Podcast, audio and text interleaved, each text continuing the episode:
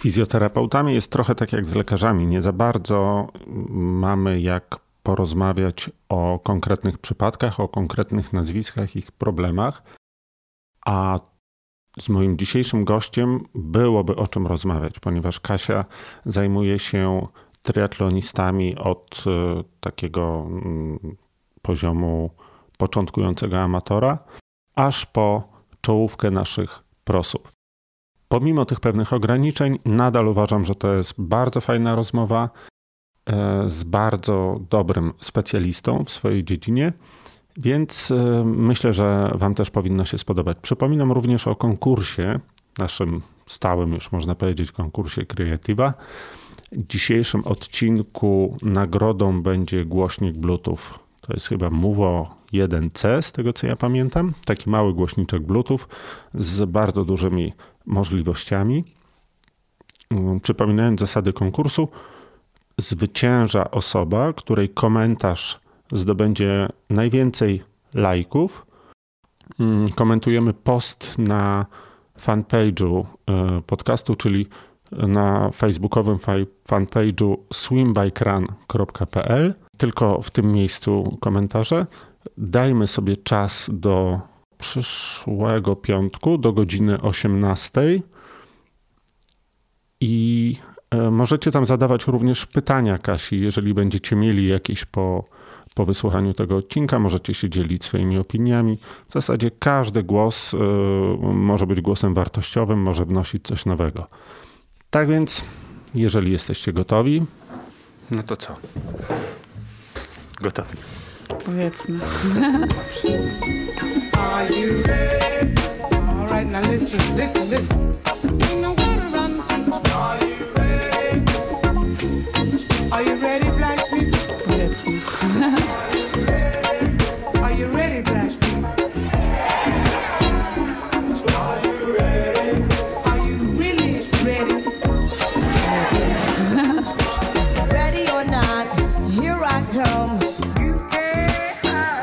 Maciej Żywek, Power Podcast. Dzisiejszym moim gościem jest Kasia Mordyl.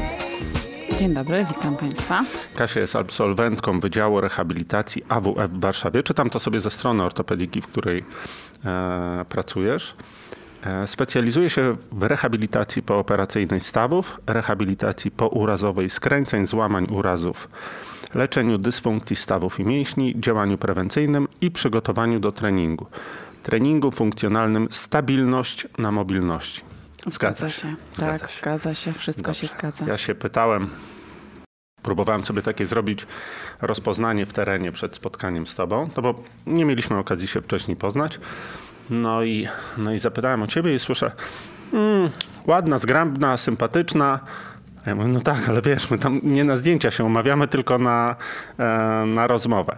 Mm, a, okej, okej. I ciekawy byłem, czy jak to jest, wiesz, no, dla dziewczyny takie postrzeganie, że przed określeniem fachowości twojej w tym, co robisz, jest ładna, zgrabna, sympatyczna. Czy to jest denerwujące, czy nie denerwujące? Śmiać mi się chce, bo w życiu bym sobie o sobie nie powiedziała, że jestem ładna, zgrabna, a tym bardziej sympatyczna. To, jest, to są jakieś pomówienia, nieprawda. E, No, myślę, że w ogóle kobietom w naszym fachu jest ciężko, bo pierwsze jak przychodzi pacjent, to nas obserwuje i mówi, co ona tam może wiedzieć, e, chudziutka, brak siły, no i potem taka konfrontacja z tym, co się dzieje na stole e, i z naszymi charakterami, no to jest e, duże zderzenie z rzeczywistością. E, Nie, myślę, że akurat wygląd mój w ogóle nie prowokuje. E, Wręcz e, pewnie pe- jakbyśmy się gdzieś spotkali właśnie prywatnie, typu, nie wiem, jak nie występuję w dresie czy w krótkim t-shircie, to wtedy raczej pacjenci są zaskoczeni, że o Boże, pierwszy raz cię widzę w butach, a nie w japonkach albo na boso. E, To raczej jest tak. Myślę, że rzeczywiście jak ludzie nas poznają, czy mnie poznają, no to potem zapominają o tym, że jestem sympatyczna. Bo się okazuje na sali, że nie jestem wcale taka fajna. E, krzyczę, jestem wymagająca e, i czasami nawet mam taki zarzut od pacjentów, że czasami bym mogła ich pochwalić, tak? A Mhm. się okazuje, że ktoś mi mówi, Boże, po trzech miesiącach powiedziałaś mi coś miłego i ja się śmieję, że wtedy to jest dla mnie największa pochwała w pracy, że gdzieś tam wysoko stawiam im wszystkim poprzeczkę. E, No i jak to jakoś się tam z tego wszystkiego wychodzi.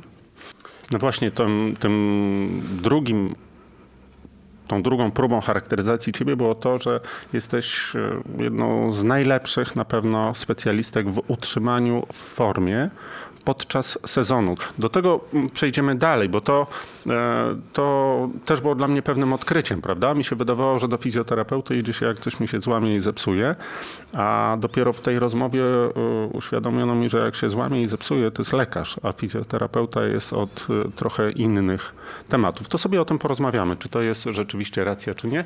Ale dowiedziałem się też jednej rzeczy, że tak naprawdę to moglibyśmy nagrać najlepszy odcinek w historii polskiego triatlonu. Cudownie. Bo, O, proszę. bo, bo ta miła, sympatyczna dziewczyna właśnie ona e, prowokuje do tego, żeby się wyzewnętrzniać ze wszystkich e, triatlonowych historii, które się w Polsce e, dzieją. Czy to prawda, czy nieprawda? Czy mogłabyś, czy jesteś najlepszą osobą do napisania książki o polskim triatlonie? Oj, to jest, coś w tym jest rzeczywiście. E, Gdzieś to tak nasza praca wygląda, chociaż nie jesteśmy w tym kierunku przeszkoleni, że w ogóle jesteśmy też czasami na tym stole, jak pacjent leży, jesteśmy jakimiś psychologami E, i wiele tych historii poznajemy i czasami się śmieję, że byłaby świetna, świetna książka z tego, e, gdybym potrafiła dobrze pisać. I tak, tak. y, Na ilość kontuzji, ilość historii związanych z tym, y, ilość w ogóle przeżyć związanych wokół tria- triatlonu, no to jest y, świetna dawka jakiejś takiej, nie wiem, też humoru tak naprawdę. Co jest fajne, postaramy się zawsze, ja się staram przynajmniej te różne historie zawsze obrócić w jakiś żart, żebyśmy się mogli z tego najzwyczajniej pośmiać. Nawet najgorsza historia, najgorsza kontuzja e, to jest po prostu coś, z czego e, no, można po prostu zrobić e, dobrą historię, ale takiego bardziej humorystyczną historię, tak? Najważniejsze, żeby ten świat się gdzieś tam nie, nie zawalił. I tak, też tych przypadków moich pacjentów i ilość pacjentów triatlonowych, no to myślę, że nawet nie książka, ale film by był super. Dobrze, bo przede wszystkim triatlonistami się zajmujesz. Miałaś też e, okres, kiedy zajmowałaś się narciarzami, prawda? Tak naprawdę cały czas jestem też w tym okresie. E, Z narciarzami zaczęłam pracować jakieś 6 lat temu. To była świetna przygoda. E, Wyjeżdżałam wtedy jeszcze z Maćkiem Bydlińskim, który trenował, w, tak jakby był w związku, był naszym reprezent- reprezentantem Polski. E, Bardzo dużo się e, dzięki niemu nauczyłam, jak wygląda tak naprawdę praca zawodnika, e, te wyjazdy, zgrupowania. I teraz cały czas jeszcze z tymi narciarzami współpracuję. Teraz mam bardzo fajne dwie podopieczne, które też walczą. Na razie jeszcze są juniorkami, próbują czegoś więcej, chociaż wiadomo, że jednak to nasze narciarstwo alpejskie, no to jest trudna, e, trudna dyscyplina. Po prostu najzwyczajniej ciężko nam uprawiać e, ten sport w Polsce. E, No i potem gdzieś tam się pojawiły takie pojedyncze osoby z takiego również triatlonu zawodowego.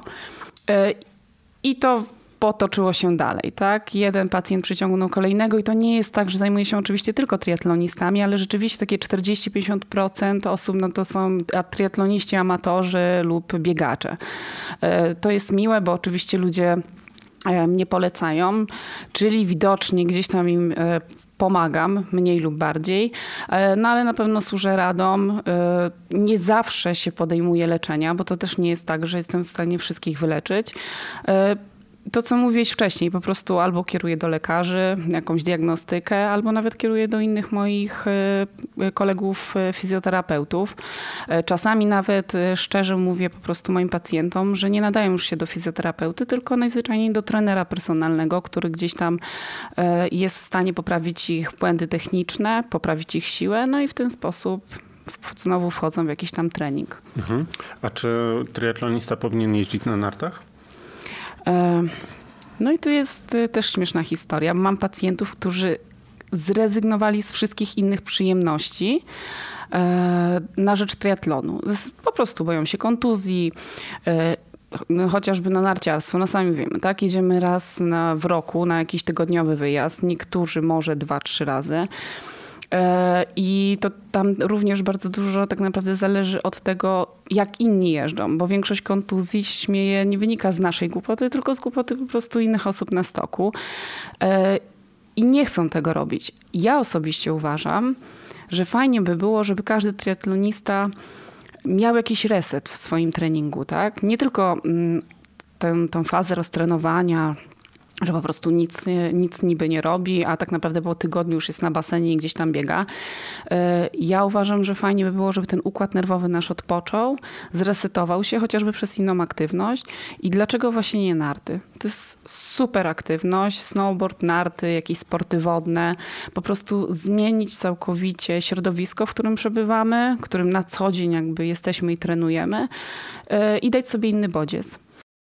Owszem, ale wiesz, bo rozmawialiśmy chwilkę przed nagraniem, że e, tą taką jakby osią naszej rozmowy, czy takim głównym problemem, nad którym się zastanawiałem, jest to, że my jako, jako triatloniści, szczególnie tacy, którzy już mają jakiś przebieg za sobą, powiedzmy rok, dwa, dwa sezony za sobą, e, my jesteśmy wyjątkowo sprawni w przemieszczaniu się do przodu. Natomiast słabo jest, kiedy y, potrzebna jest jakaś koordynacja, kiedy e, potrzebujemy poruszyć się na boki, czyli mamy tak jak na przykład na nartach te skręty i tak dalej, wszelkiego rodzaju. I bardzo łatwo o kontuzję. Powstają, wydaje mi się, i to właśnie moje pytanie do ciebie, wydaje mi się, że powstają dysproporcje takie, e, kiedy ta część nas odpowiedzialna za przemieszczanie się do przodu jest silniejsza niż zwykle, natomiast reszta, tak jak mówisz, jest bardzo często zaniedbana i jest, jest słabsza niż zwykle. Robi się duża dysproporcja, jedziemy na narty i, i mamy kontuzję, jedziemy na piłkę i mamy kontuzję. Czy to rzeczywiście trochę tak jest, że y, z nami się tak dzieje, czy, czy nie do końca? I jak sobie z tym radzić?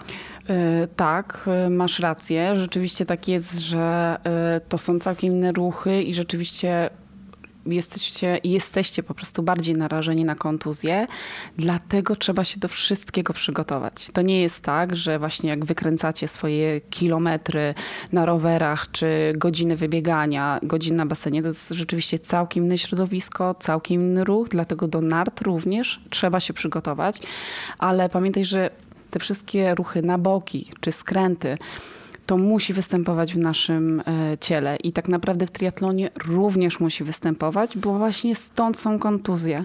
Z braków takich e, mobilności czy koordynacyjnych.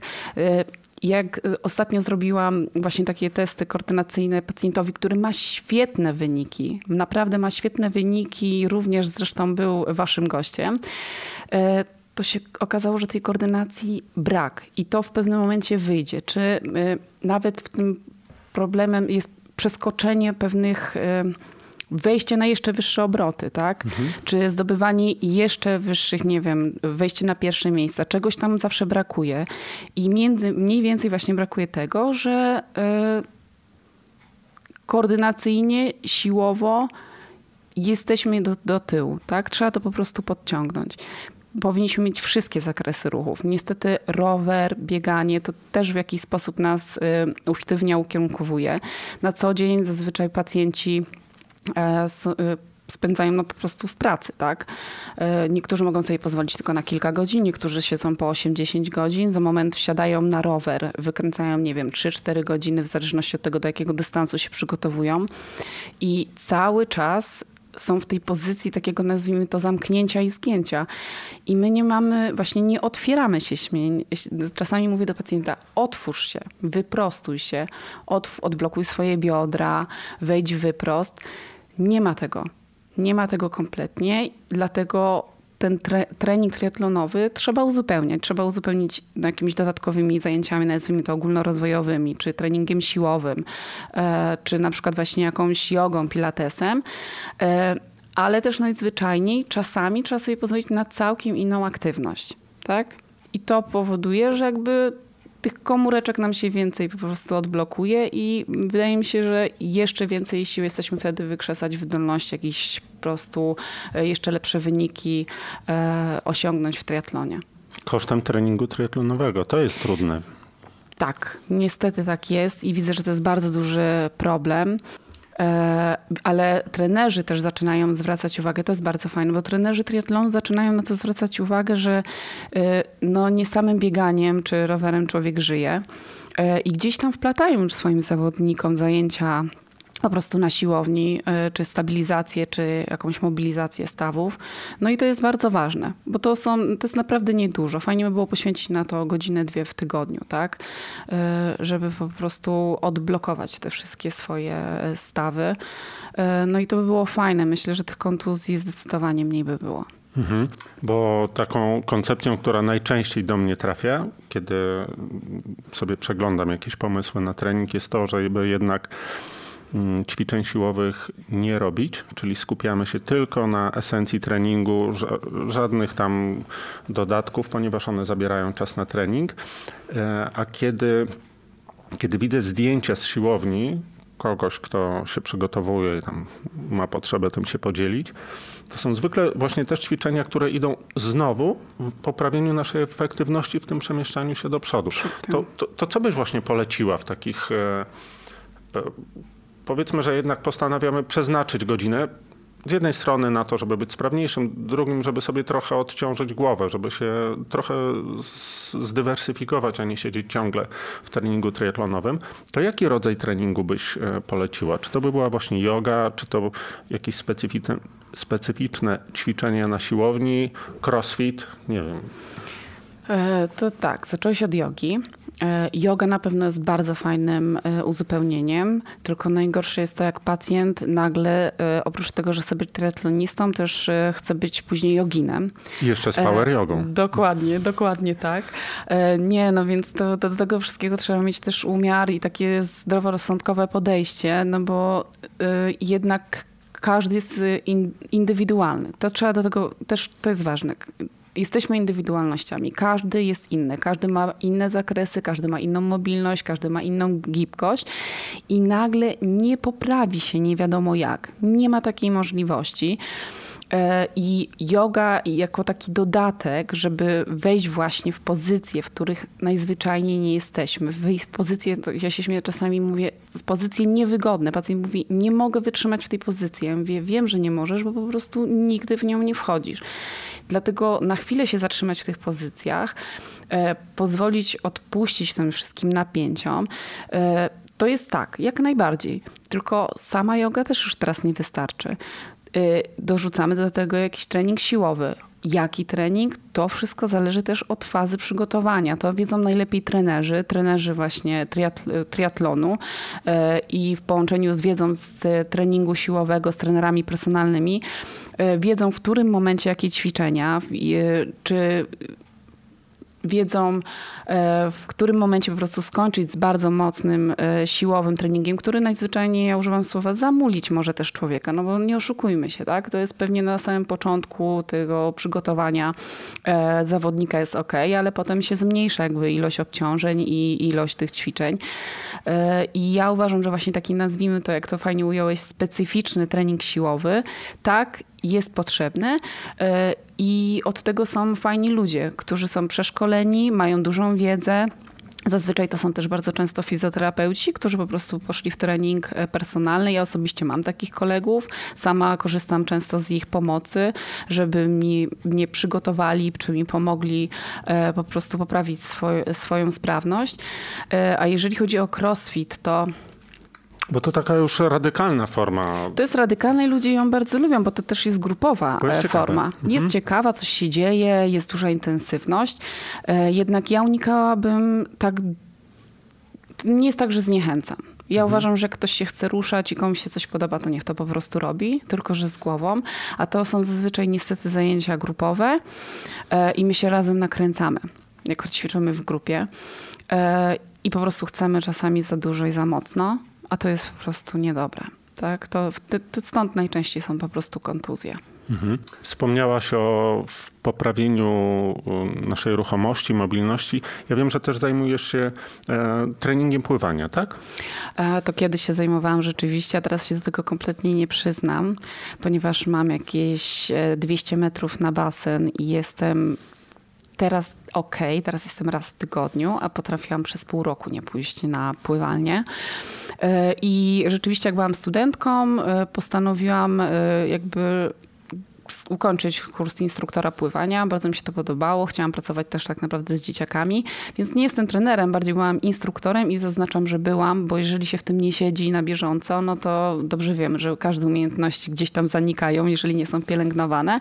Ale tak, trochę bawiłam się rzeczywiście tym pływaniem. Dobrze, ale myślę, że pomożesz mi w rozwianiu wątpliwości na temat ruchomości stawu skokowego. Mhm. To, to jest coś, co wśród triatlonistów wiadomo, że to jest taki sport, do którego się zwykle dość późno zabieramy, tak statystycznie statystycznie rzecz biorąc, mamy już swoje ograniczenia. Bardzo często jest to po bieganiu lub po rowerze, więc ruchomość stawu jest tragiczna.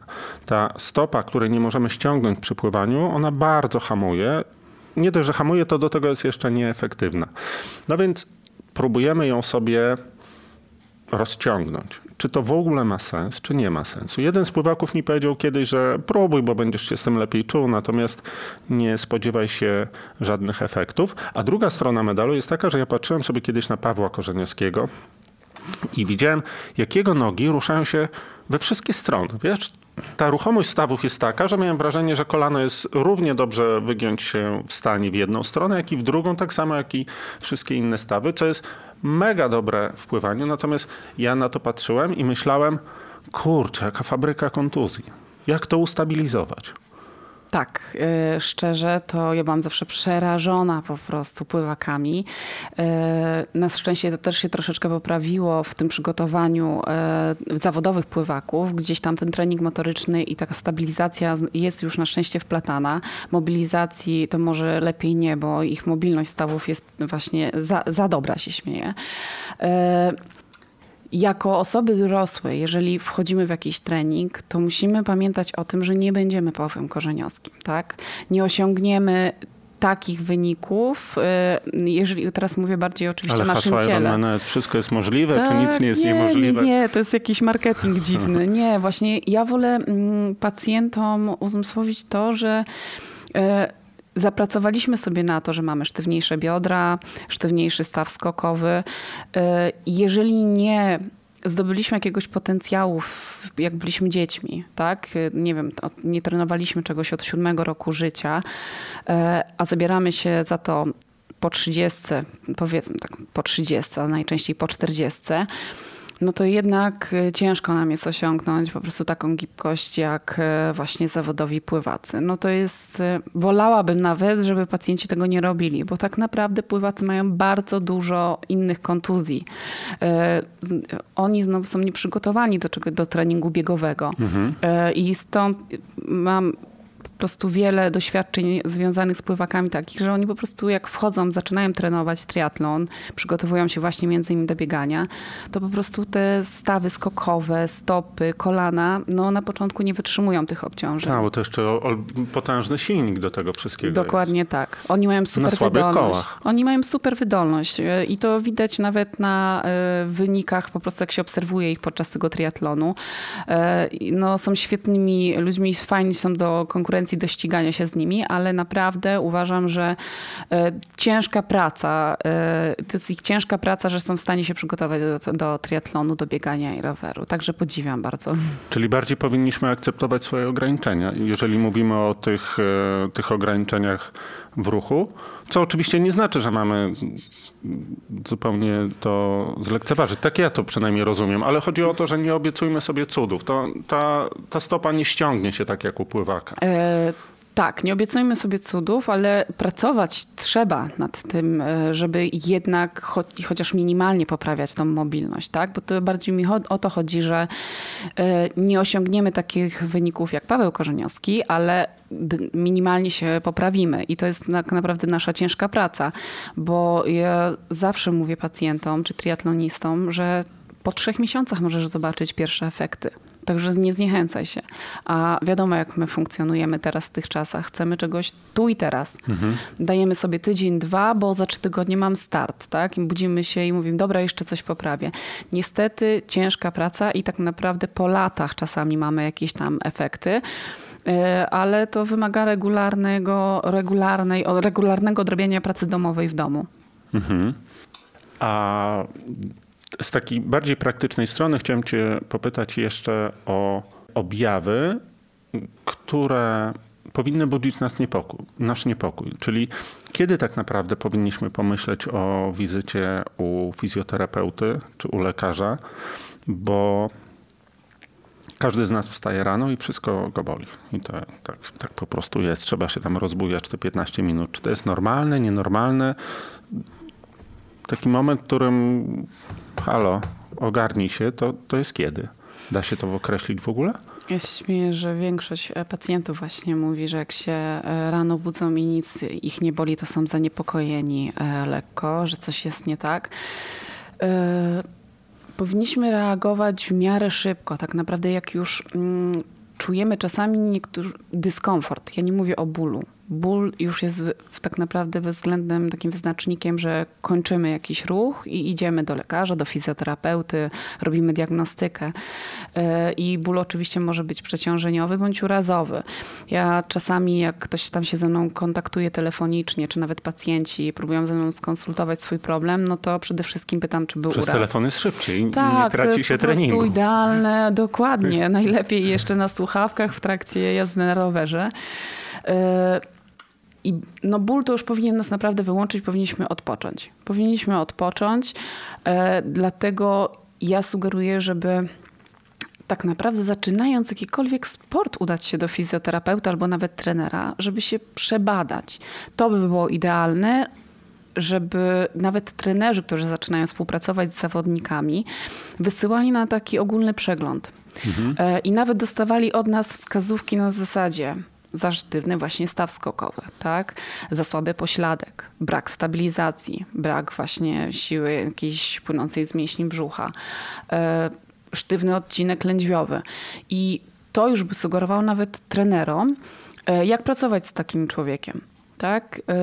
Z czym będzie problem? Bo będzie problem najzwyczajniej po rowerze z bieganiem. Zakładki to w ogóle wyniszcza wszystkich pacjentów na samym początku, w pierwszym roku No, trenowania ogóle triatlonu. nie rozumiem tego zamiłowania do zakładek, bo nie widzę wielkiego zastosowania do tego. Wiesz co, ja, trosz, ja trochę się wtrącę, chociaż nie jestem aktywnym e, triatlonistą. Ja się śmieję, jestem biernym obserwatorem i obserwuję swoich pacjentów.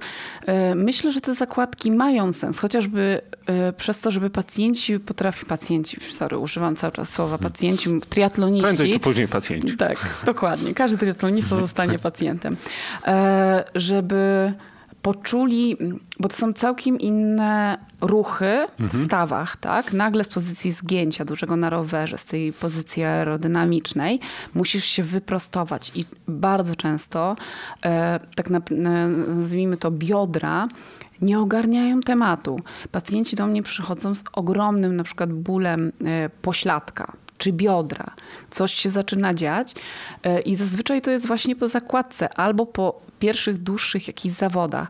Albo mówią mi, że e, pierwsze kilometry na rowerze to po rowerze to y, biegania to była jakaś tragedia. Po prostu nie mogli się wyprostować. I jakbyś popatrzył na e, większość tak naprawdę amatorów triatlonistów, jak wyglądają w tych pierwszych minutach biegu, to byś wtedy to zauważył. I ja uważam, że musi pacjent tego doświadczyć, triatlonista, tego przejścia, tak? Rower, e, bieganie, ale chociażby po to, żeby mieć takie doświadczenie, żeby ciało ogarniało po prostu się w przestrzeni. Ja się tutaj zgodzę z Tobą, tylko że przy zakładkach są różne szkoły, prawda? Nie jestem zwolennikiem tego, żeby tego w ogóle nie robić, natomiast jedna z tych szkół, i to taka stosowana przez zawodników, to jest zakładka typu 1600 metrów, z Okej. których każde 400 metrów jest przyspieszane od wolnego do tempa docelowego. To ma nas uczyć, po pierwsze, w ciągu tych 1600 metrów musimy e, wyprostować, już dojść do pozycji biegowej, prawda? E, Dochodzimy do pozycji biegowej i już za 1600 metrem jesteśmy w pozycji biegowej. Nie ma sensu dalej tego ciągnąć. My osiągnęliśmy ten nasz cel, a drugim, e, Drugim celem jest oczywiście to, żeby budować tempo, a nie wychodzić e, tam wiadomo, że głupie błędniki. Staramy się, żeby jakby ten krajobraz przesuwał się w podobnym tempie jak na rowerze, co jest niemożliwe. Zwykle startujemy za szybko.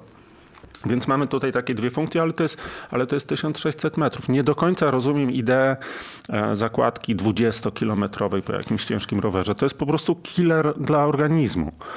Um, nie, wiesz, spotkaliśmy się na, na konferencji Sportowiec Amator, prawda? Ja tam byłem akurat, trafiłem na cykl takich e, wykładów, gdzie było mnóstwo e, filmów, zdjęć, które pokazują ten nasz rozkrojony organizm, prawda?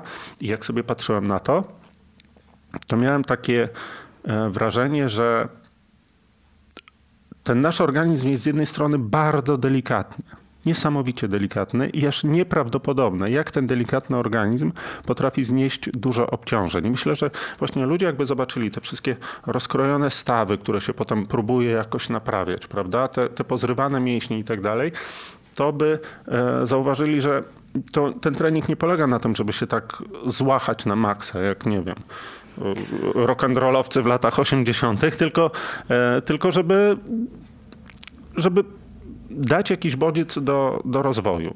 Cieszę się, że poruszyłeś ten temat, y, bo właśnie większość triatlonistów amatorów, zresztą nie tylko amatorów, również y, zawodnicy y, zapominają o tym, że mm, to, co my damy, dawkujemy naszemu organizmowi, to nam w końcu ten organizm odda. I niestety zazwyczaj nam właśnie oddaje jakimiś przeciążeniami, kontuzjami, e, urazami, które czasami nas niestety wyłączają już całkowicie z jakiejś aktywności. E, I ja nawet na konferencji też poruszałam taki temat pacjenta, który naprawdę ma świetne wyniki. E, jest po prostu koniem ilość startów, e, które ma w roku, to jest po prostu coś przerażającego. E, zresztą coraz więcej mam, pacjentów, którzy mówią, że mają na przykład przewidzianych 5 Ironmanów w roku. I ja się łapię za głowę mówię, człowieku, co ty kiedy? robisz? W ogóle, tak, właśnie, kiedy, prawda? E, I ludzie sobie to robią. I ja ich ostrzegam i mówię, zobaczysz, zemści się to się na tobie. No ale jest mija rok, mijają dwa lata jakoś tam ogarniają, łapią skurcze podczas zawodów, to jedyne kontuzje, tak chyba, że jeszcze walną w jakiś samochód po prostu jadąc na rowerze. E, ale niestety boję się, że za powiedzmy 3-4 lata no to już nie będzie takiej fajnej zabawy z tego wszystkiego. No naprawdę, to jest tak, że to co powiedziałeś, organizm mimo wszystko jest delikatny, te tkanki są delikatne. E, I my jako fizjoterapeuci staramy się tak naprawdę umożliwić e, triatlonistom starty, bo na tym polega nasza praca. Umożliwiamy, pomagamy, naprawiamy e, i, i również robią to lekarze ortopedzi. I teraz troszeczkę jakby mm, będę wspierać tych lekarzy, że oni mają też trudne zadanie, bo jak e, widzą po prostu, co robią pacjenci, przychodzą z problemami, krążą. Po prostu pacjenci i triatloniści, również biegacze, po prostu krążą po lekarzach i chcą e, tak naprawdę usłyszeć diagnozę, która będzie im odpowiadała. Tak, czyli tak, niech pan ja biegnie, niech pan trenuje, nie ma problemu, zrobimy to i to i po miesiącu, po dwóch pan wystartuje. Tak, ja spotkałam się z pacjentami, którzy po Miesiąc, dwóch... dwa to ci bardziej cierpliwi. Tak, ja bym oczekiwał tygodnia. Ja nawet mówię o takich, którzy mieli mieli zabieg operacyjny i po dwóch, trzech miesiącach e, startowali i oni dali radę, oczywiście. Tylko e, później, półtora roku, zajęło nam e, doprowadzenie znowu się do jakiegoś tam porządku, tak? I gdzieś tam to cerują ci chirurdzy, ortopedzi, naprawiają ale ja się śmieję, że czasami lepiej nie dotykać e, takich pacjentów, żeby właśnie nie pozwalać im psuć się mm, e, e, dalej, tak? No ale oczywiście no, nasz zawód nam na to nie pozwala. Chcemy jak najlepiej dla nich, dla pacjentów.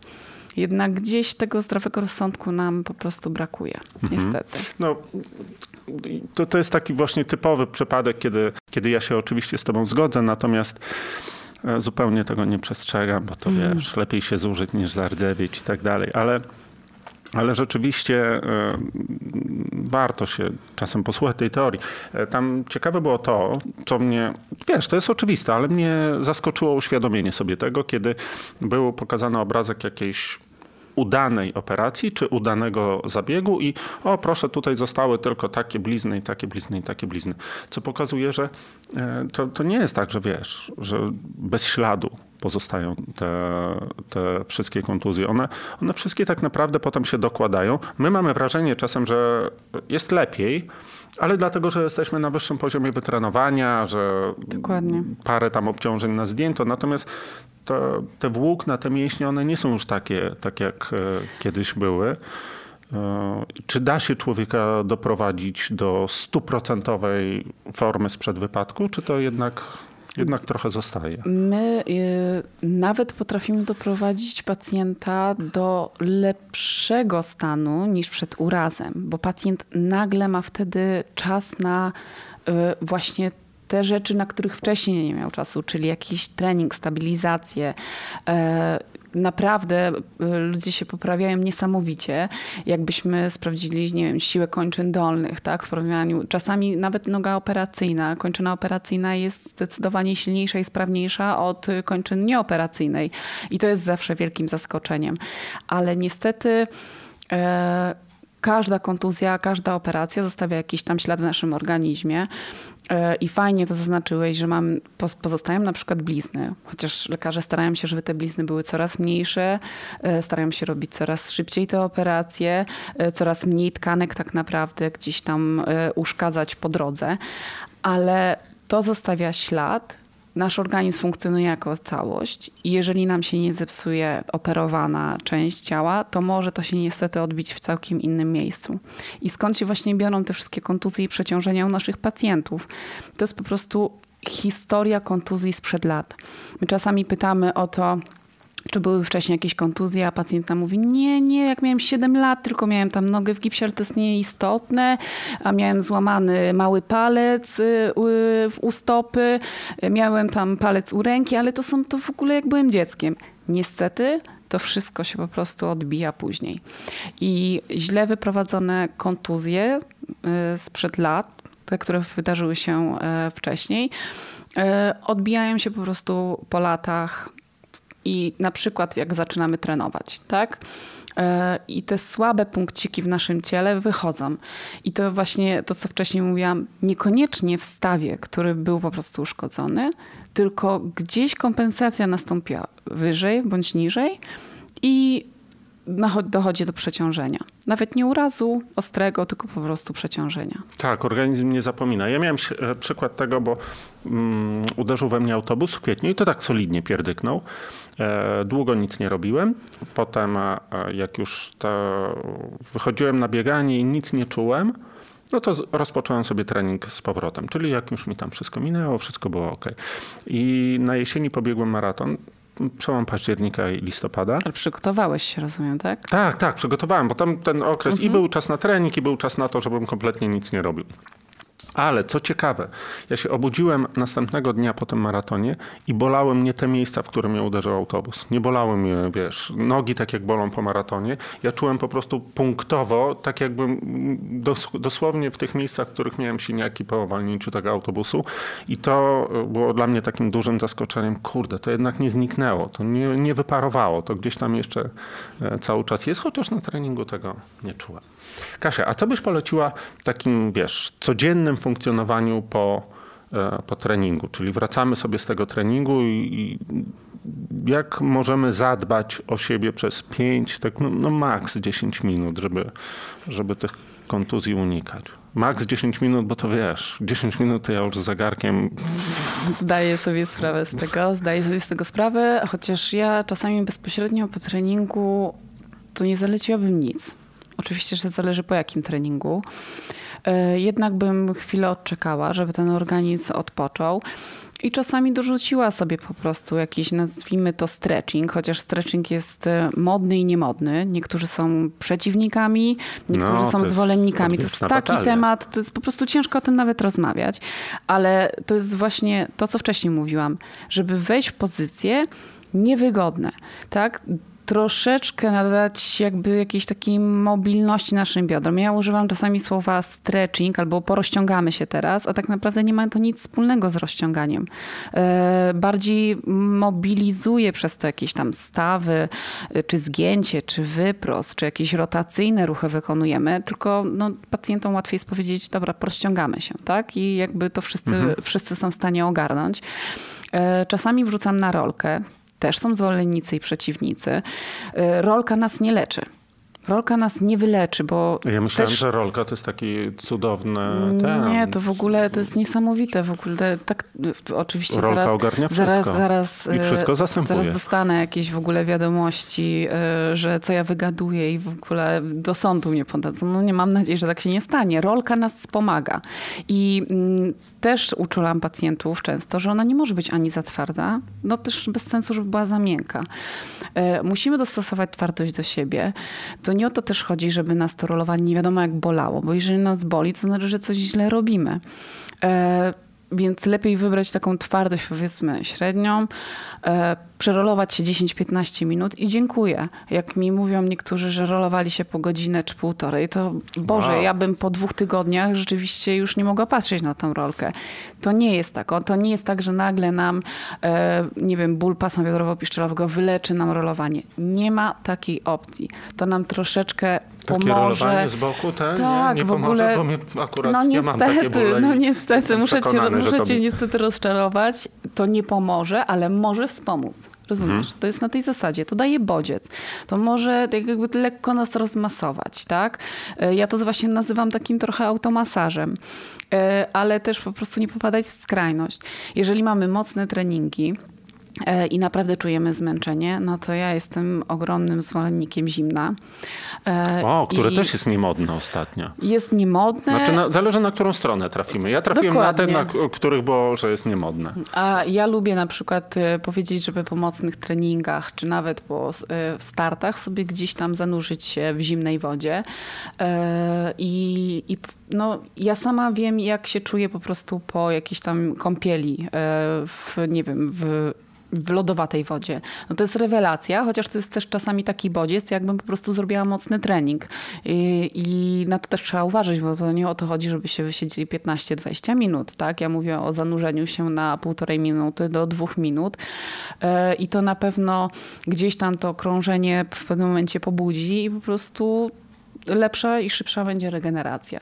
Takie jest moje zdanie. No bo wiesz, szkoła przeciwna mówi, że to obkurcza włókna mięśniowe, Czyli efekt jest e, wręcz odwrotny do zamierzonego, że lepiej wejść do ciepłej wanny. Ja muszę ci powiedzieć, że u siebie e, stosowałem zależnie od pory roku. Latem właziłem do takiej zimnej wanny, nawet lodu sobie do niej mhm. dorzucałem z zamrażarki, natomiast zimą największą nagrodą dla mnie po ciężkim treningu jest jak wejdę do ciepłej wanny. I, e, i to jest kolejny temat fajny, który poruszyłeś. Jest, każdy jest inny i każdemu pomaga coś innego. I nie mamy recepty tak naprawdę na to, y, kto kiedy i jak się szybciej zregeneruje i co weźmie, y, nie wiem, co będzie robił po treningu. Tak naprawdę ważne jest słuchać swojego ciała, żebyśmy nauczyli się słuchać, co nam to ciało mówi, co nam podpowiada i według tego po prostu podążać. Tylko dać czas sobie na tą regenerację, bo nawet tu nie o to chodzi, co robić, tylko po prostu znaleźć czas na najzwyczajniej na odpoczynek, a nie gonić z treningu do pracy, e, z pracy na trening, potem jedziemy po dzieci bądź na jakieś inne dodatkowe zajęcia e, i jeszcze nam gdzieś tam brakuje właśnie tego snu. To tutaj jest gdzieś problem, tu tkwi problem. Ja myślę, jakbyśmy po prostu dali czas na jakieś wyciszenie po prostu swojemu organizmowi, to po prostu Czyli by było najlepiej. półgodzinny zapas po treningu tak, czasu tak, wolnego. Tak, tak. Po hmm. prostu bardziej chodzi o to, żebyśmy przestali biegać, tak? Jesteśmy na maksa przebodźcowani. E, potem właśnie jeszcze treningiem się dodatkowo bodźcujemy, chociaż niektórzy mówią, że tak naprawdę oni wypacają. Wszyscy, większość osób mówi mi, że tak naprawdę e, triatlon e, pomaga im pozbyć się stresów, które gdzieś tam zdobyli w trakcie dnia, czy w pracy, czy nawet w domu ale właśnie pomóżmy jeszcze temu organizmowi takim 10-15 minutami jakiejś przerwy. To warto sobie uświadomić, że obciążenie układu nerwowego, znaczy układ nerwowy obciążenie przyjmuje w taki sam sposób, mniej więcej z treningu, jak i z tego stresu w pracy. Więc to nie jest odpoczynek, to jest po prostu dołożenie sobie Dokładnie. e, obciążenia w inny sposób. I mm, rzeczywiście takie pół godziny, kiedy spróbuję się ani nie trenować, ani nie myśleć o tym stresie, to wydaje się być fajnym pomysłem. A co myślisz o tym, żeby to rozciąganie, czy no, rolowanie to jest trudne, ale właśnie rozciąganie, czy nazwijmy to tak w uproszczeniu, prawda?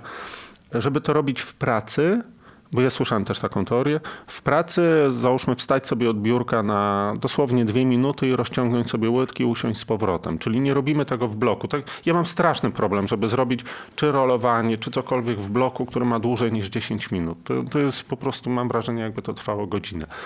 Jeżeli mam w pracy sobie na przykład, nie wiem, kawę robię czy coś takiego i oprę tą stopę, naciągnę łydkę i zrobię takich ćwiczeń 20, 10 razy w ciągu dnia. Czy to ma sens? Czyli czy rozbicie tego rozciągania na takie bardzo krótkie elementy ma sens, czy nie? Na pewno przerwy w pracy są cudowne. e, I Im uważam, dłuższe, że dokładnie tak. Tygodniowe. I im częstsze jeszcze, nie? E, Ale y, ja bym rzeczywiście wykorzystywała ten czas w pracy, bo właśnie o to chodzi, żeby wyjść, z wejść w pozycje niewygodne, ale też wyjść z tych pozycji, na których, cały, w których jesteśmy, tkwimy cały czas, godzinami. E, Ja jestem zwolennikiem jednak takiego zbicia tego wszystkiego y, w, jeden, w jedną całość i w taki, nazwijmy to, trening, e, bo to właśnie powoduje, że wyciszamy nasz organizm. Ja nie zalecam pacjentom często ro- e, rozciągania czy rolowania po to, żeby oni rzeczywiście byli, nie wiem, joginami, tylko po to, żeby wyciszyli się w 10-15 minut. Odpoczęli, e, dali właśnie, e, zresetowali układ nerwowy. Właśnie po to. Dlatego chcę, żeby to kumulowali i znajdowali na to czas. Właśnie to jest po to. To, o czym przed chwilą rozmawialiśmy. Mhm. Mówiłaś też o tym, żeby nie pakować sobie zbyt dużo, zbyt dużo treningu w ciągu dnia, a w zasadzie chciałem powiedzieć, żeby nie robić tego e, bez takiego odpowiedniego przygotowania, gnając z jednego miejsca w drugie. Ile czasu powinniśmy przeznaczyć na to, żeby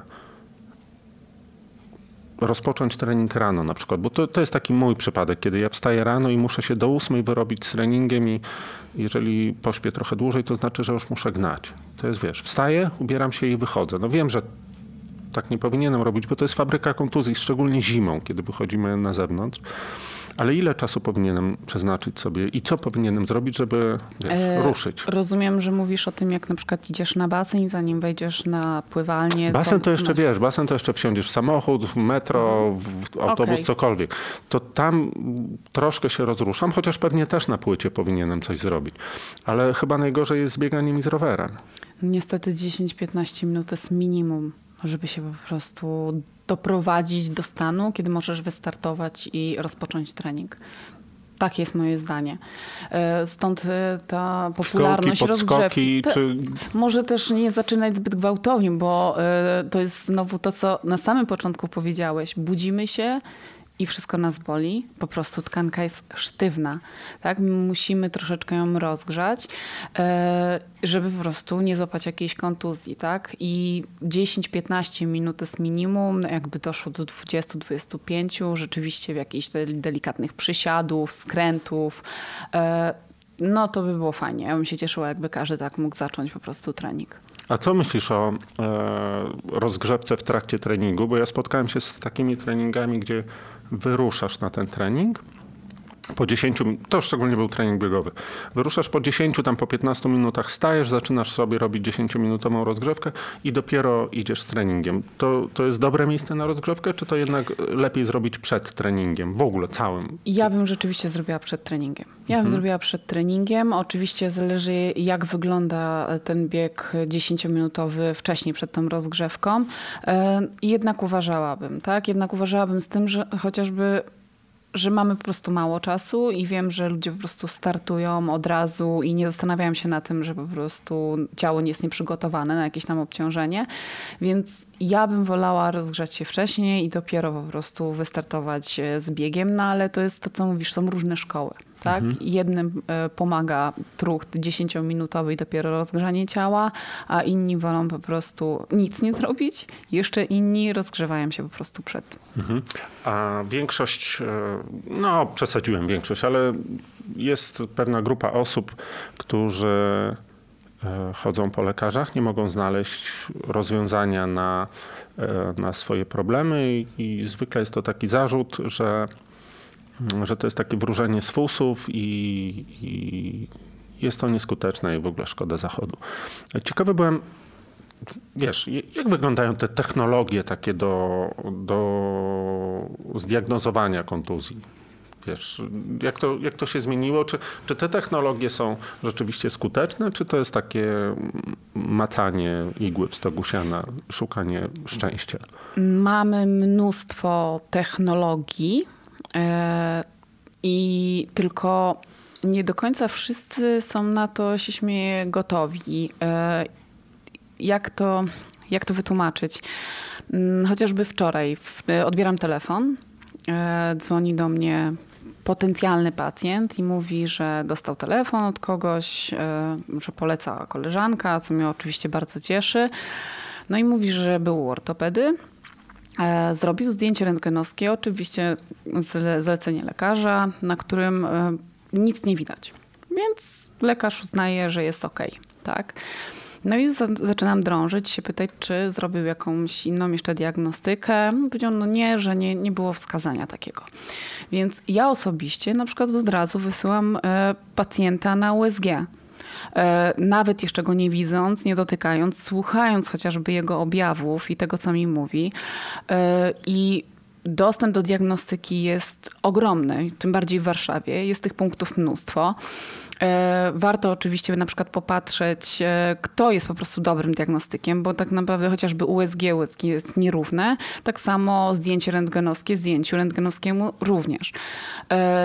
E, tylko ludzie, to nie jest tak, że się boją robić tę diagnostykę. No czasami oczywiście też nas finanse ograniczają, bo niestety ten NFZ jeszcze do końca nie, nie, nie funkcjonuje tak, jak powinien, a prywatna służba zdrowia no, jest kosztowna. Tak? Z drugiej strony wychodzę z założenia, że skoro podejmujemy się takich rzeczy jak triatlon, to nie jest najtańszy sport i jednak na to leczenie też powinniśmy gdzieś tam jakieś fundusze przeznaczyć i nie oszczędzać przede wszystkim na swoim zdrowiu. E, I szukać tej diagnostyki, nie bać się jej. E, również fizjoterapeuci nie powinni się bać wysyłać e, pacjentów na, na diagnostykę, bo to nam zdecydowanie ułatwia pracę. Jeżeli w ogóle ktoś ma w gabinecie fizjoterapeutycznym dostęp do e, chociażby USG, szybkiego badania, które też nie jest nie wiadomo jak drogie, no to rewelacja, tak? Tylko pogratulować, bo po prostu możemy się dowiedzieć takiego obrazu bardzo dużo, jak ta tkanka funkcjonuje. Mamy również, jeżeli chodzi o mówisz o tych technologiach, y, no nie wiem, dobra, jeszcze bo będę drążyła ten temat y, y, diagnostyki. Świetne rezonanse, świetne tomografie komputerowe, ale najzwyczajniej, nie wiem, nie, nie wykorzystujemy tego, bo idziemy w kierunku, dobra, mam pakiet w jakimś tam innej ubezpieczalni i próbuję wszystko zrobić tylko tak na pakiet. Nie mam w pakiecie, to nie robię dalej. To jest przerażające. To Naprawdę. dlaczego ludzie nie robią badań droższych, lub takich, które muszą zapłacić, dlatego że muszą za nie zapłacić, czy... Niestety bardzo często tak jest. Mhm. Bardzo często tak jest. E, wolą skorzystać e, z pakietów, a nie z dobrej diagnostyki. Chociaż nie mówię, no w pakietach dobrze, przepraszam, tu wycofuję się, bo na pakiet również można mieć dobrą diagnostykę, ale najzwyczajniej, najzwyczajniej często lekarze po prostu nie wysyłają. Nie wysyłają, no wolą zrobić tańsze badanie e, i gdzieś to powiedzmy jestem w stanie jakoś zrozumieć.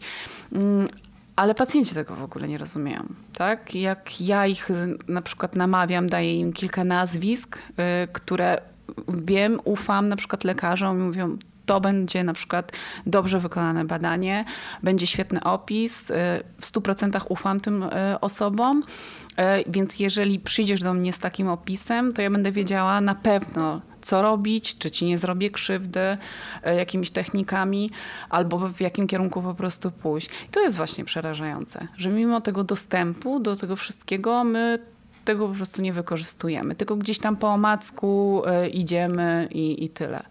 E, jeżeli chodzi o technologię i inne jakieś sposoby e, badania, wierz mi, że raczej żyjemy w takich czasach, że właśnie szukamy tych nowych technologii, czy nawet technologii w sposobie rehabilitacji. A to nie do końca tak jest. Nasze ręce są najfajniejszym e, tak naprawdę e, sprzętem do badania. Nasza głowa, nasze doświadczenie. E, I myślę, że pacjenci na tym też powinni bardzo mocno mm, polegać. Tak? Nie szukać kolejnych dodatkowych bodźców, kolejnych dodatkowych technik, nie, nie wiadomo jakich sprzętów, bo ta ten ośrodek, nie wiem, oferuje jakieś najnowocześniejsze, nie wiem, e, prądy, nie prądy. Okej, rzeczywiście, wszystko jest dla ludzi, ale myślę, że nie idźmy w kierunku nowości, nie wiadomo jakich, tylko takich sprawdzonych, mniej sprawdzonych rąk, sprawdzonych diagnostyków. Bardziej na tej zasadzie powinniśmy działać. A jak działają prosi? Działają właśnie bardziej z ludźmi, czy bardziej z maszynami? Wiesz, bo też się zastanawiam nad, e, nad wszystkimi tymi, tymi, tymi nogawkami dmuchanymi. Pewnie ma to jakąś fachową nazwę, czy e, elektrostymulacją. Taką robioną tak. w domu. Czy to zastąpi e, tak, taki regularny serwis, bym to nazwał, e, zastąpią takie urządzenia, czy nie? Uważam, że nie zastąpią. E, Urządzenia zawsze nas będą tylko i wyłącznie wspomagać. Chociaż uważam, że jeżeli ktoś ma możliwość, to tak, niech wykorzystuje to. I jeżeli ktoś ma możliwości przede wszystkim też finansowe, to uważam, że warto jest zainwestować w taki sprzęt, jeżeli tych treningów e, jest dużo, jeżeli zawodów jest dużo. Ja znam pacjentów, którzy naprawdę są amatorami, a mają lepsze wyposażenie niż jeden gabinet fizjoterapeutyczny, co mnie zawsze rozśmiesza, ale z drugiej strony dlaczego nie?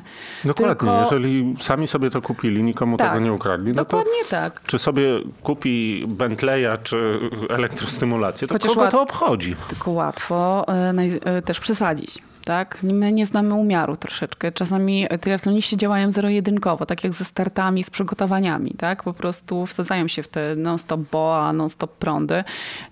Może lepiej tak, troszeczkę ostudzić ten e, zapał. E, Jednak nasze oko, nasze ręce czasami, znaczy bywają po prostu niezastąpione. I e, to nie jest tak, że robię nam teraz reklamę i wszyscy idźmy do fizjoterapeutów i jesteśmy niezbędni, ale jednak człowiek to człowiek, to nie maszyna. I jesteśmy w stanie więcej po prostu zobaczyć, wyłapać. Dlatego zachęcałabym do współpracy jednak z fizjo. Ja się tak uśmiecham trochę, bo e, z tą przesadą to przypomniało mi się, jak rozglądałem się za kompeksem i mm, na e, którymś forum zauważyłem taką informację, która nie wiem do końca, czy jest prawdziwa, czy nie, że tam zależnie od kraju przeznaczenia, bo chyba nie produkcji, tylko rynku, na jaki jest przeznaczony, to on ma większą lub mniejszą moc i na jakiś tam rynek to w ogóle był taki, że nogę urywał i trzeba. I to wiesz, to są takie wiadomości z forum. Tak. Jak szukasz, to weź, znajdź sobie tam e, e, kompleksa z tego rynku, bo on ma wtedy taką moc, że to, że to się w głowie nie mieści. E, I tak od razu, jak mówiłaś o tym przesadzaniu, to właśnie przypomniało mi się to, żeby kupić takie urządzenie, które po odkręceniu gałki to już zupełnie jest elektrownią wtedy. Niesamowite jest to. Właśnie y, mamy takie czasy. My się tak nakręcamy wszyscy i ja bym chciała, żeby po prostu gdzieś tam ludzie zwolnili. Dlaczego lubię, mm, jak do mnie przychodzą nawet triatloniści, żeby na moment zwolnić, pośmiać się, zapomnieć, y, zapomnieć o kontuzji. y, Bo tego najzwyczajniej w trakcie dnia, w trakcie treningu, w trakcie tygodnia y, brakuje. Tak, zapominamy o tym. E, A na stole i się pośmiejemy i coś tam jeszcze wymasujemy, nazwijmy to w ten sposób, prostymi słowami, tak? Chociaż to wszyscy fizjoterapeuci teraz się obrażają, że użyłam słowa masaż. Nie masujemy. A co robimy? No i to jest, to jest e, tak, tak. Teraz użyć prawidłowych słów. No, zrobimy to, nie wiem, pracujemy na powięzi, A, okej. na tkankach, tak. Mobilizujemy. Czyli słowo masaż ma teraz e, mnóstwo różnych e, wariantów. Tak, chociaż no rzeczywiście no, ciężko nazwać naszą pracę masażem. E, I ja na początku, jak zaczynałam swoją pracę, byłam oburzona, jak ktoś do mnie przychodził i mówił, no to jak tam pani masuje, a jak pani masuje to? I ja robiłam takie, jak to? Ja tyle po prostu się uczyłam, tyle inwestuję. I ktoś mówi, że ja masuję. Teraz mam do tego ogromny dystans i sama się śmieję, że po prostu czasami trzeba coś wymasować. To jest kwestia słownictwa i tyle. Kasia, a wracając do tych informacji, które dostałem od swojego mm, agenta lub agentki. No właśnie, to co mówiliśmy o tym, że jesteś świetna w takim utrzymaniu zawodnika e, w sezonie startowym i no, tak jak wspominałem, oczywista oczywistość, że jest coś takiego, jak taka opieka nad zawodnikiem przez cały rok, natomiast ta oczywista oczywistość nigdy jakoś wcześniej w mojej głowie nie, nie zagościła, że można zrobić w ogóle coś takiego, jak takie regularne wizyty potreningowe u, e, u fizjoterapeuty, szczególnie u to też wspominałaś o tym, że w triatlon, triatlon jest drogim sportem. Generalnie rzecz biorąc jest drogim sportem, bo trzeba ogarnąć trzy dyscypliny. I jak, jakimi byśmy oszczędnościami tego nie robili, to to i tak jest dużo droższe od samego biegania, samego pływania czy samej jazdy na rowerze. No i, i myślę, że po prostu w tę tą strukturę wydatków warto sobie pewne rzeczy wliczyć, policzyć je sobie, że przez rok, nie najbliższa wizyta, tylko że przez rok będą ileś kosztowały. e, Potem ile będzie kosztowała pianka, ile będzie kosztował rower i tak dalej. W całym roku kosztuje to tyle i tyle. Czyli, no wiesz, droga rzecz, to zaplanujmy ją, tak żeby miała ręce i nogi. No i ile by trzeba było przeznaczyć na to, żeby w rozsądny sposób poddać się opiece e, fizjoterapeuty. Na przykład u ciebie, wiesz, mówimy już o takiej konkretnej kwocie. O konkretnych, o Tak, żeby to miało, kasie. tak, żeby to miało ręce i nogi. Możemy też zastanowić się na przykład nad dwoma wariantami, kiedy to jest jakiś wariant minimum i taki wariant, e, no jak e, część z naszych znajomych, którzy właśnie robią 5 Ironmanów w roku i oni tak naprawdę, wiesz, potrzebują takiej Kompleksowej obsługi. kompleksowej pięć razy dziennie obsługi. Wiesz co, ciężko jest, e, zawsze jest ciężko o czym mówić, właśnie o, o tym, ile co kosztuje i Mhm. o kasie. Jeżeli mamy do czynienia z pacjentem, który rzeczywiście nie ma jakiegoś, ostrej, jakiegoś ostrego urazu, e, kontuzji, która go wyklucza mm, ze sportu, to powiem Ci szczerze, że wizyta raz na 2-3 tygodnie, e, w tym nawet takim najgorętszym okresie, e, wystarcza, tak? Więc no dobra, ile startujemy? Cztery miesiące? No teraz to już wiadomo, że to się tak wydłuża, że już mam pacjentów, którzy byli, są po startach w tym roku, za moment będą i skończą pewnie w październiku czy w listopadzie, tak? Tak, teraz są te kraje arabskie i czasem mam wrażenie, że tam e, połowa ludzi siedzi w kalpa, a druga połowa w krajach arabskich na, na zawodach. dokładnie tak, tak jest. Tylko my tu zostaliśmy. Ale posłuchaj, wczoraj było piękne słońce, więc ogólnie. E, Ale wiesz co, więc posłuchaj, no to nie są ogromne pieniądze, bo ja mówię o, nie wiem, stówce, e, dwóch, e, 200 złotych miesięcznie, tak? Więc ja myślę, że potrafimy, nie wiem, e, w weekend pójść na, nie wiem, dobrą kolację z winem. Mam nadzieję, że to się triatlonistom również zdarza. E, I wydamy pewnie więcej, tak? E, Chociaż właśnie jak mamy wybierać wino i kolację, a, a fizjoterapeutę, to może rzeczywiście czasami to wino też e, jest lepsze w fazie regeneracji. E, Ale jeżeli no, to są bardzo takie mocne przygotowania, no to posłuchaj, jakbyśmy łatwo podliczyli na rok, myślę, że zmieściliby się wszyscy w około tysiąc, pomiędzy 1000 a 2000 złotych. Więc nie wiem, czy to jest dużo, czy, czy mało.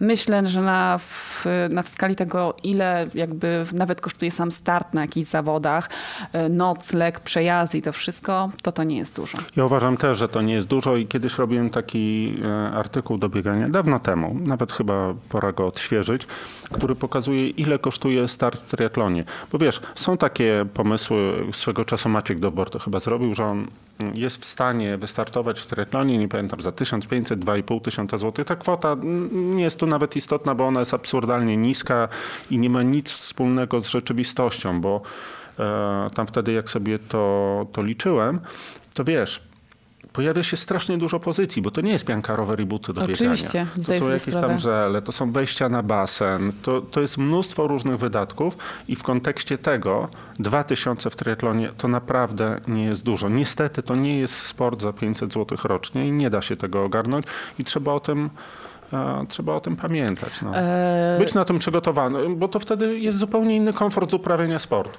Dokład- Bar- jeszcze ci przerwę tylko dobrze, bo e, dokończę, że bardzo ciekawą rzecz powiedział mi człowiek, z którym, e, którym współpracuję i on mówi, że kiedyś zajmował się e, windsurfingiem chyba, no jednym z takich dość modnych sportów i mówił, że największym problemem u ludzi uprawiających ten sport było to, że nie policzyli sobie wydatków na niego. I od pewnego momentu zaczął ich ten sport frustrować.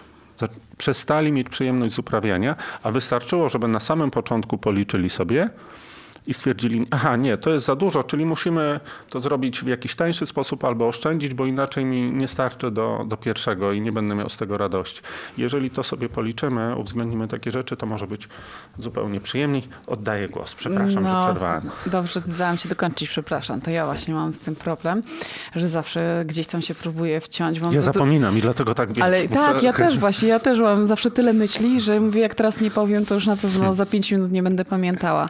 Jak się przygotowywałam do tej konferencji Sportowiec Amator i przeglądałam różne statystyki, różne dane, różne publikacje e, i przygotowałam prezentację, pokazałam paru osobom też z triatlonu, no i takie było trochę oburzenie wśród e, triatlonistów, przede wszystkim trenerów, że no nie możesz używać tam takich słów, że e, triatlon w Polsce uprawiają głównie ludzie, którzy minimum zarabiają 100 tysięcy złotych miesięcznie i są to głównie prezesi, biznesmeni, ple, ple, ple. I ja tak usiadłam, spojrzałam się na parę osób i mówię, halo, ale taka jest prawda. Triatlon nie jest dla wszystkich. Okej, jest na pew- w pewnym momencie, na pewnym poziomie, jest, ale ogólnie wymaga bardzo dużych nakładów finansowych i nie oszukujmy się, no nie wiem czego tu się wstydzić. Tak jest, chcemy w pewnym momencie lepszy rower, lepszą piankę, e, nie wiem, więcej treningów, fajniejsze wyjazdy, w pewnym momencie się nakręcamy, latamy coraz dalej tak naprawdę. Tak. I to jest po prostu jednak sport dla osób, które gdzieś tą kasę po prostu mają, więc nie wierzę w to, że nie mają na leczenie.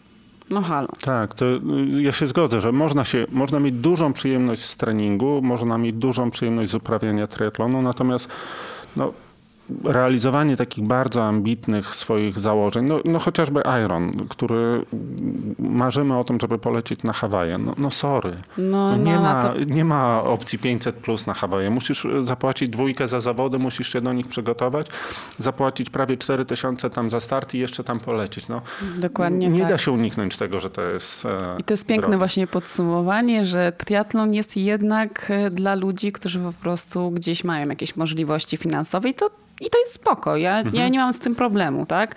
Najzwyczajniej, jeżeli możemy sobie na coś pozwolić, to dlaczego nie? Owszem, ta, y, chociaż ja, ja tutaj bym zaznaczył, że, że ta realizacja tych takich bardzo popularnych i bardzo ambitnych e, marzeń, no bo Hawaje są takimi. Jak najbardziej. Ale e, u mnie jest na przykład tak, że e, mi się sezon w pracy pokrywa z sezonem startowym i ja właściwie nie mam okazji do, do wystartowania. Natomiast mam cały czas bardzo dużą przyjemność z treningu, co, czyli jedno drugiego nie Oczywiście. wyklucza. Można, można, być, można być też w tym sporcie Właśnie tym się przede wszystkim bawić. Ja się śmieję, że jestem osobą, która nie trenuje triatlonu, a czuje się tak, jakbym była w tym sporcie. I bardzo często używam słowa moja rodzina triatlonowa, ponieważ przez triatlon poznałam fantastyczne osoby i e, utrzymuję z nimi stały kontakt. Są większe lub mniejsze przyjaźnie. I jak ktoś mi mówi, Kaśka, może byś wystartowała w jakimś triatlonie? I ja się na nich patrzę i mówię, nigdy w życiu. Nie ma takiej opcji. Nie ma nigdy. Ale się czuję triatlonistą. Czuję się triatlonistą i to A jest śmieszne. ja muszę ci powiedzieć, że mam tak samo, to, to już tam kiedyś nawet wspominałem o tym, że jeżeli ktoś mnie tak by w nocy obudził, mimo że ja przeważnie biegam. Jakbym sobie wziął treningi z całego roku, to byłoby zdecydowana większość była biegania, ale jakby mnie ktoś w nocy obudził, to wstawaj, kto ty jesteś? "E, Triatlonista. "No, triatlonista.